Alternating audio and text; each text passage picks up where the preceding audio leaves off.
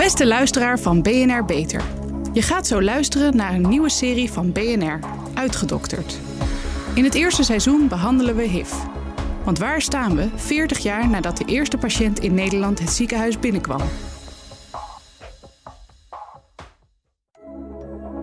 Ik denk, fuck, het is, ik, uh, ik ga dood. Ik ben daar helemaal mee bezig. Hè? Je leeft er maar op los. Um, en opeens moet je aan een toekomst gaan denken, wat je nooit, nooit hoefde. Dit is Uitgedokterd HIV. De hemel kan wachten. De podcast over 40 jaar HIV in Nederland. Mijn naam is Angela Groothuizen. En ik ben Loisa Lamers. Sinds het begin van de AIDS-epidemie zijn er wereldwijd 40,1 miljoen mensen overleden aan de gevolgen van AIDS. Na de ontdekking van het virus en de eerste AIDS-doden in 1982 wordt er door de medische wetenschap keihard gewerkt aan een medicijn. Het duurt nog 12 jaar voordat een echt goed werkend medicijn is ontwikkeld. 12 jaar waarin mensen doodgaan. En mensen die hun HIV-diagnose kennen zich voorbereiden op de dood. Als ze dan ineens toch kunnen doorleven, is dat een enorme overgang.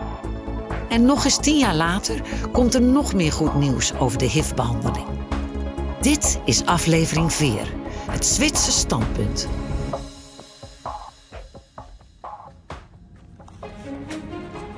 Voordat er een goed werkend medicijn kwam, verschijnen er meerdere medicijnen op de markt die claimen dat zij het lang verwachte geneesmiddel tegen HIV zijn. Arts Sven Danne werkt mee aan meerdere medicijnonderzoeken. Ja, het eerste middel AZT, wat dus een zogenaamde doorbraak was, dat was het ook wel, want het deed wat en alle andere middelen tot dan toe deden niks op het ziektebeloop. Het had ook bijwerkingen. Je kon er bloedarmoede van krijgen. En na AZT kwamen nog een aantal andere middelen die daar ook met dat soort lettercombinatie daar heel veel op leken. Die hadden weer wat andere bijwerkingen. Bij gebrek aan een alternatief is het motto van Sven en zijn collega's Elke HIV-patiënt moet meedoen met het onderzoek, want alleen op die manier krijgt patiënt het nieuwste van het nieuwste. Iedereen die aan dat soort uh, onderzoekingen meedeed, ging uiteindelijk tot toch dood. Dat was echt een periode van wanhoop. Keer op keer muteert het virus, zodat het weer resistent wordt tegen de medicijnen. Patiënten werden hopeloos en veel van hen besloten helemaal te stoppen met de medicijnen. Je gaat er toch aan dood. Helaas was het tegendeel ook waar. Als je geen medicijnen slikt, ga je ook dood. En dan is daar ineens een cocktail. Een mix van drie medicijnen. Die wel werkt. En blijft werken. Hoogleraar Peter Rice vertelt over deze doorbraak. Het was een magic moment. In die studies kon je laten zien dat het combineren van drie middelen ten opzichte van het combineren van twee middelen dramatisch beter was aan de hand van die uh, virusniveaus. Dus, dus ik herinner me die plaatjes nog. Ik bedoel, de twee middelen ging het virusniveau naar beneden en na een tijdje weer omhoog. De drie middelen ging naar beneden en bleef laag. Dus ja, dat was echt. Ik bedoel, iedereen zat natuurlijk in die zaal te kijken. Wauw. En, en heel snel daarna was duidelijk in de praktijk, op allerlei plekken in de wereld waar de toegang in ieder geval tot die nieuwe middelen er was, dat die sterfte aan aids dramatisch naar beneden kukkelde. Voor Reina Foppen komt de combinatietherapie net op tijd. Het is wel zo dat ik echt met mijn rug tegen de muur stond toen de medicijnen kwamen. Ik heb het heel lang uitgesteld omdat ik uh, niet aan de monotherapie wilde.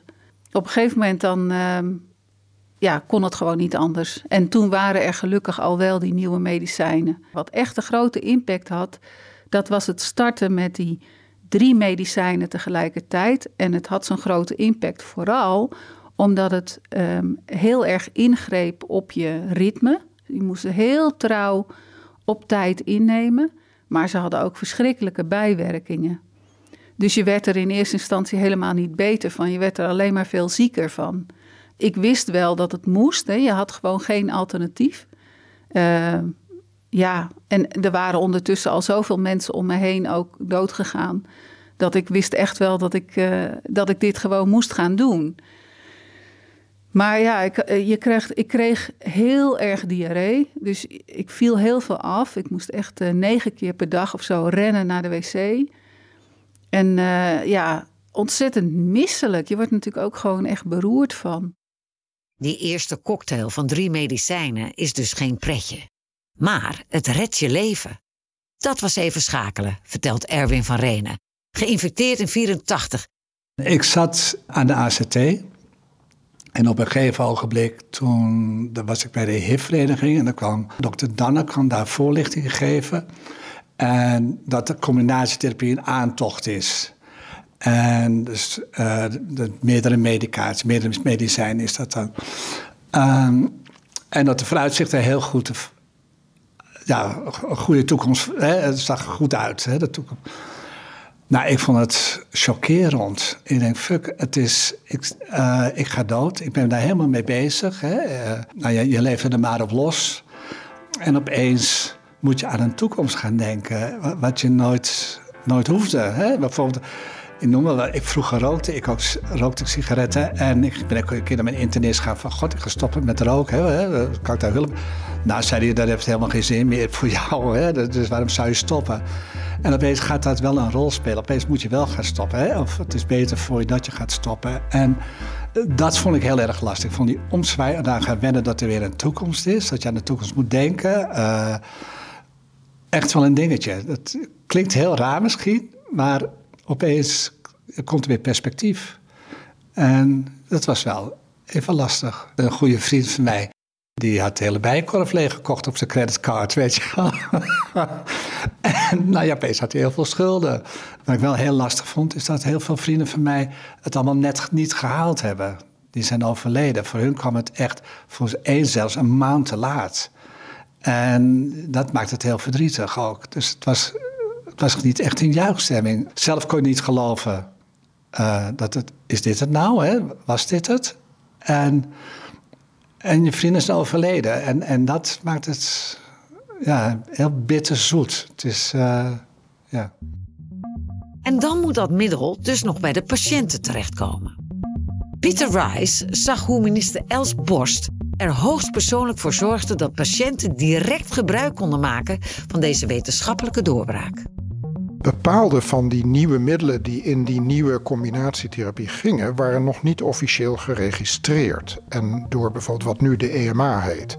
Dus wat er gedaan moest worden, was die middelen al eerder beschikbaar maken voor mensen die het nodig hadden op een compassionate use basis. Ondanks wat tegensputteren van een hoge ambtenaar. Ik ben er niet bij geweest op het ministerie, maar ik heb het verhaal wel gehoord dat dat toch niet zo verstandig was om het te doen heeft Els Borst persoonlijk gezegd tegen deze man, heeft zich omgedraaid naar die man en gezegd: Nou, ja, maar jij hebt ook geen aids, we gaan dit doen. Daarmee heeft ze iets heel wezenlijks gedaan. Uh, want ze heeft, uh, ik durf geen aantal te noemen, maar ze heeft mensen het leven gered door die middelen beschikbaar te stellen. En een ander visionair iets wat zij gedaan heeft, is dat, dat wij uh, in Amsterdam en ook samen met de rest van het land bedacht hadden dat we, dit, dat we het effect van deze nieuwe behandelingen graag wilden monitoren in Nederland. Tien jaar later, in 2008, komen Zwitserse wetenschappers met nog meer baanbrekend onderzoek. Hoogleraar HIV-behandelingen Mark van der Valk. Wat we al heel lang wisten, is dat als je kijkt naar stellen waarvan één iemand HIV heeft en een ander niet, uh, dat de kans om uh, HIV over te dragen hoger was bij mensen met uh, veel virus in hun bloed. De Zwitsers hebben op grond van die data in 2008 gezegd: uh, dit weten we dat er een duidelijke relatie is tussen de hoeveelheid virus in iemands bloed en de kans om het over te dragen. Uh, op basis daarvan denken wij dat HIV niet overdraagbaar is als je een onmeetbare hoeveelheid virus hebt. Dit wordt bekend als het Zwitsers standpunt. En het is waanzinnig nieuws. Stellen waarbij één van de twee HIV heeft, kunnen eindelijk veilig vrijen zonder condoom. Maar door gebrek aan echt grondig wetenschappelijk bewijs kunnen artsen het nieuws nog niet bevestigen. In de spreekkamers mompelden ze iets vaags over dat er een kans bestaat dat het virus niet kan worden overgedragen als de patiënt hun medicijnen goed slikt. Maar het is nog niet helemaal zeker. Dat is natuurlijk een hele onbevredigende en verwarrende boodschap voor de patiënten. Want geïnformeerd als ze zijn, hebben ze de studie natuurlijk ook gelezen. En dat o zo belangrijke onderzoek duurde jaren. Maar daar zitten de mensen die HIV hebben niet op te wachten. Zij willen het van de daken schreeuwen. Ze kunnen HIV niet meer overdragen als ze hun medicijnen consequent slikken. Reine Foppe, die nu voorzitter is van de HIV-vereniging, vertelt hoe die wachttijd was. We hebben ook voor het acceptatie van uh, eh, NSN heel hard moeten strijden, omdat door de medische uh, ja, wereld eigenlijk erkend te krijgen dat er geen kans op, is op overdracht. Als je een studie wilt doen waarbij je aan wilt tonen dat het risico nul is, moet je ongelooflijk veel mensen eh, heel lang vervolgen. En zelfs al zie je geen overdracht, dan nog is er een uh, marge van onzekerheid. In, dat is de manier waarop je wetenschap doet en hoe je het analyseert. En wat er gedaan is, is dat dat onderzoek net zo lang door is gegaan. Totdat er in alle subgroepen mensen uh, verschillende vormen van seks, uh, orale seks, vaginale seks, anale seks enzovoort enzovoort. Dat er uiteindelijk voor al die subgroepen de marge van onzekerheid zo klein was dat we echt kunnen zeggen: nul is nul. De boodschap dat je het niet meer kunt overdragen uh, ja, dat maakt dat HIV uh, iets wordt net als andere chronische ziektes, suikerziekte, hoge bloeddruk, waar je één keer per dag een pil voor neemt. Helaas zijn we daar nog niet, maar dat zou het wel moeten zijn en worden. Dat HIV uh, door de maatschappij net zo bekeken wordt als hoge bloeddruk, suikerziekte, allerlei kwaadaardige chronische bloedziektes enzovoort enzovoort. Ongeveer in dezelfde tijd, in 2006, wordt er een nieuwe sectie opgericht bij de HIV-vereniging. Pos and Proud, oftewel positief en trots. Deze afdeling wil homomannen weerbaar maken, HIV binnen de scene weer een gezicht geven, stigma's rondom HIV bestrijden en van HIV iets normaals maken. Pos and Proud introduceerde het zogenaamde zero sorting, waarmee ze doelen op het onbeveiligde seks hebben met mensen met dezelfde HIV-status. Dit gedachtegoed krijgt toch een vreemde bijsmaak als er een jaar later in 2007 een enorm seksschandaal plaatsvindt in Groningen. De regionale zender OogTV volgde het nieuws op de voet. De regiopolitie Groningen heeft drie mannen aangehouden die op seksparties homoseksuele mannen moedwillig hebben besmet met het HIV-virus. Op zo'n party die bij een van de verdachten of slachtoffers plaatsvond, werden de mannen gedrogeerd met de zogeheten rape drug GHB en vervolgens verkracht.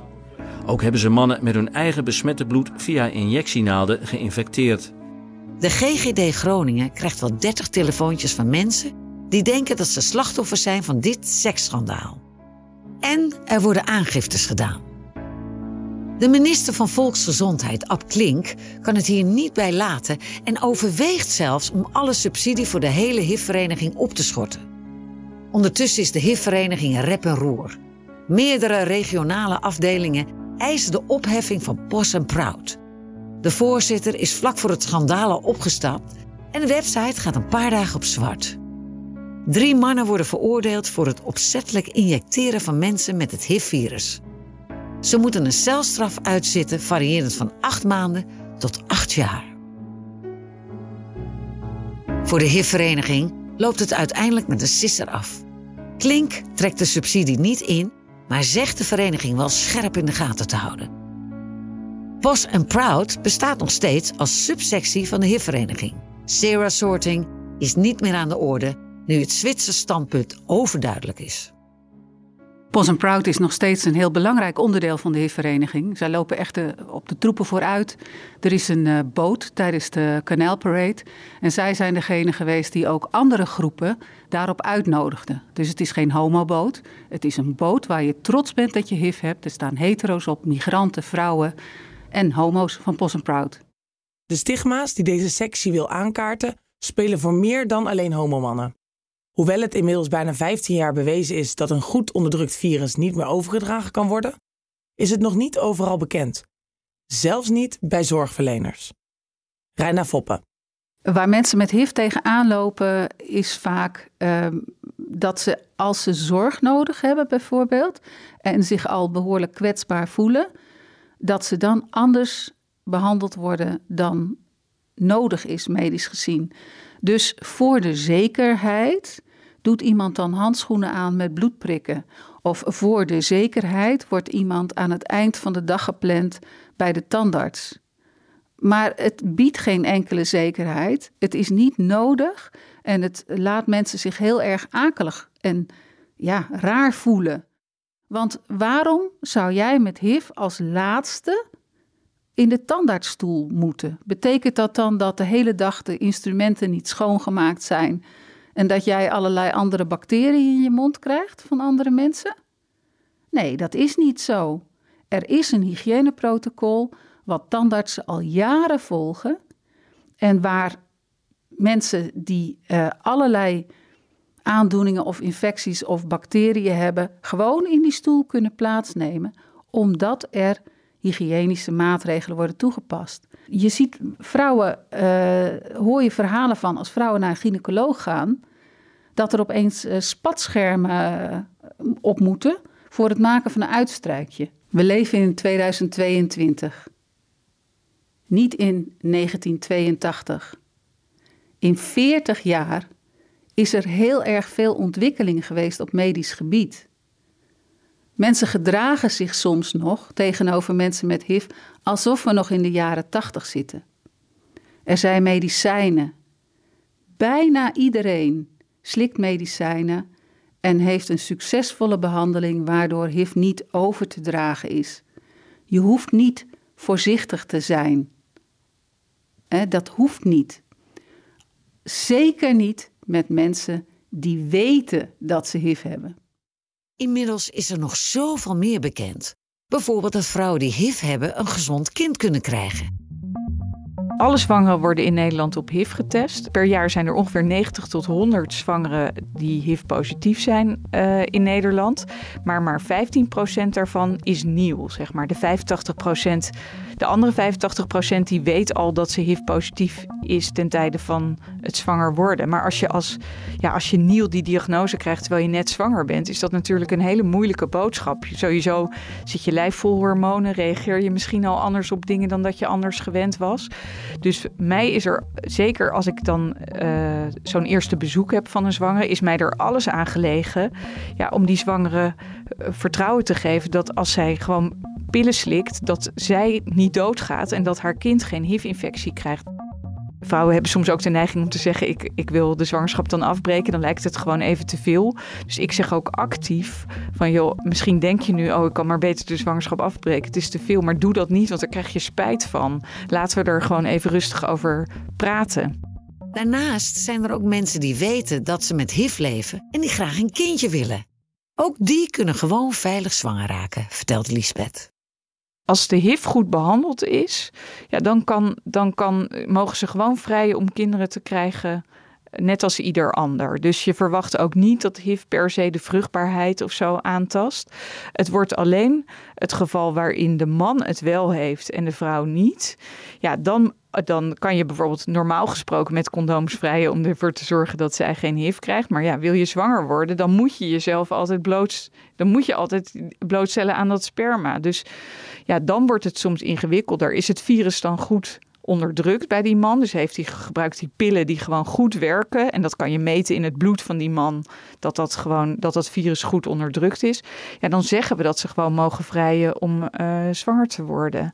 Maar je heeft die man wel virus, omdat hij op een of andere manier ja, niet goed te behandelen is. Of, of ja, dan kan je nog uh, iets doen wat wij in de regel dus spermawassen noemen. Waarbij je de zaadcellen scheidt van het vocht waar het HIV in zit. In zit en die vrouw met schoon gewassen zaadcellen uh, insemineert. Dus de, op een kunstmatige manier zwanger maakt. Is de man positief en de vrouw niet? Dus dat is eigenlijk de laatste situatie ja, dan mag die vrouw, als ze dat durft, mag ook gewoon zwanger worden.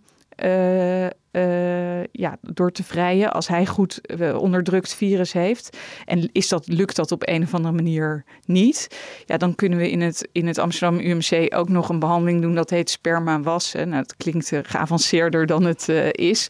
Maar HIV zit normaal een ejaculaat, dus zeg maar het kwakje bij een man, dat bestaat uit zaadcellen en een vochtcomponent, zeg maar. Dus en dat vocht komt uit de prostaat en de zaadblaasjes. En HIV zit niet in de zaadcellen zelf, maar zit in het omringend vocht. Dus dan doe je een proces waarbij je de zaadcellen scheidt van de, het vocht. En dan testen we ook altijd even of het gelukt is, zeg maar, om het HIV eruit te halen. En dan kan je dat insemineren uh, bij die vrouw. Hoe kan het dan dat dat kind het niet krijgt? Eigenlijk is het lichaam heel slim. De, de barrière tussen de moeder en het kind, de placenta, dat is eigenlijk een niet goed doorlaatbare barrière. Dus je kind zit eigenlijk veilig in, een, ja, in de vliezen en in het vruchtwater in een zak, afgescheiden van de moeder. Alleen onder hele zeldzame omstandigheden, dan kan er toch vermenging of, optreden of bloed-bloed contact. Maar eigenlijk zit dat kind hartstikke veilig gewoon in de baarmoeder, in de eigen vliezen. De artsen zetten alles op alles om het kind gezond door de zwangerschap te loodsen. Als het de moeder niet zelfstandig lukt om die pillen goed te slikken, dan stuurt Lisbeth zelfs dagelijks thuiszorg langs. En dan komt de onvermijdelijke bevalling nog. Toch een bloederige aangelegenheid. De geboorte is het grootste risicomoment op HIV-overdracht. En dat komt gewoon omdat je, ja, het kindje gaat door het baringskanaal en slikt bloed in. En, en dat, daarvoor moet je zorgen dat dat virus goed onderdrukt is. En voor de zekerheid krijgen baby's dan altijd na de geboorte nog vier weken ja, een behandeling met, uh, met sidofudine. Dat is AZT, dat is het oudste middel wat ooit tegen HIV uh, op de markt was. En dat krijgen ze dan ja, in druppelvorm. Want je kan een kind natuurlijk, een pasgeboren baby, geen tabletten laten slikken. En dat is, ja, dat is een soort extra veiligheid nog aan de achterdeur om, om het kind zo goed mogelijk te beschermen. En zo hebben we nog wel meer dingen. Stel dat, het, stel dat we zien dat iemand pillen slikt, maar het lukt nog onvoldoende om, om het virus goed te onderdrukken. Ja, dan geven we soms nog wel een soort paardenmiddel erbij. Om, het, om alles op alles te zetten. Om het tijdens die bevalling maar zo goed mogelijk te krijgen. En lukt het echt helemaal niet, dan kan je nog een keizersnee doen. Dan laat je niet het kind door het baringskanaal gaan, maar dan til je het kind zo bloedloos mogelijk uit de, ja, uit de buik. Janice Delgt is zo'n vrouw die HIV heeft en twee gezonde kinderen.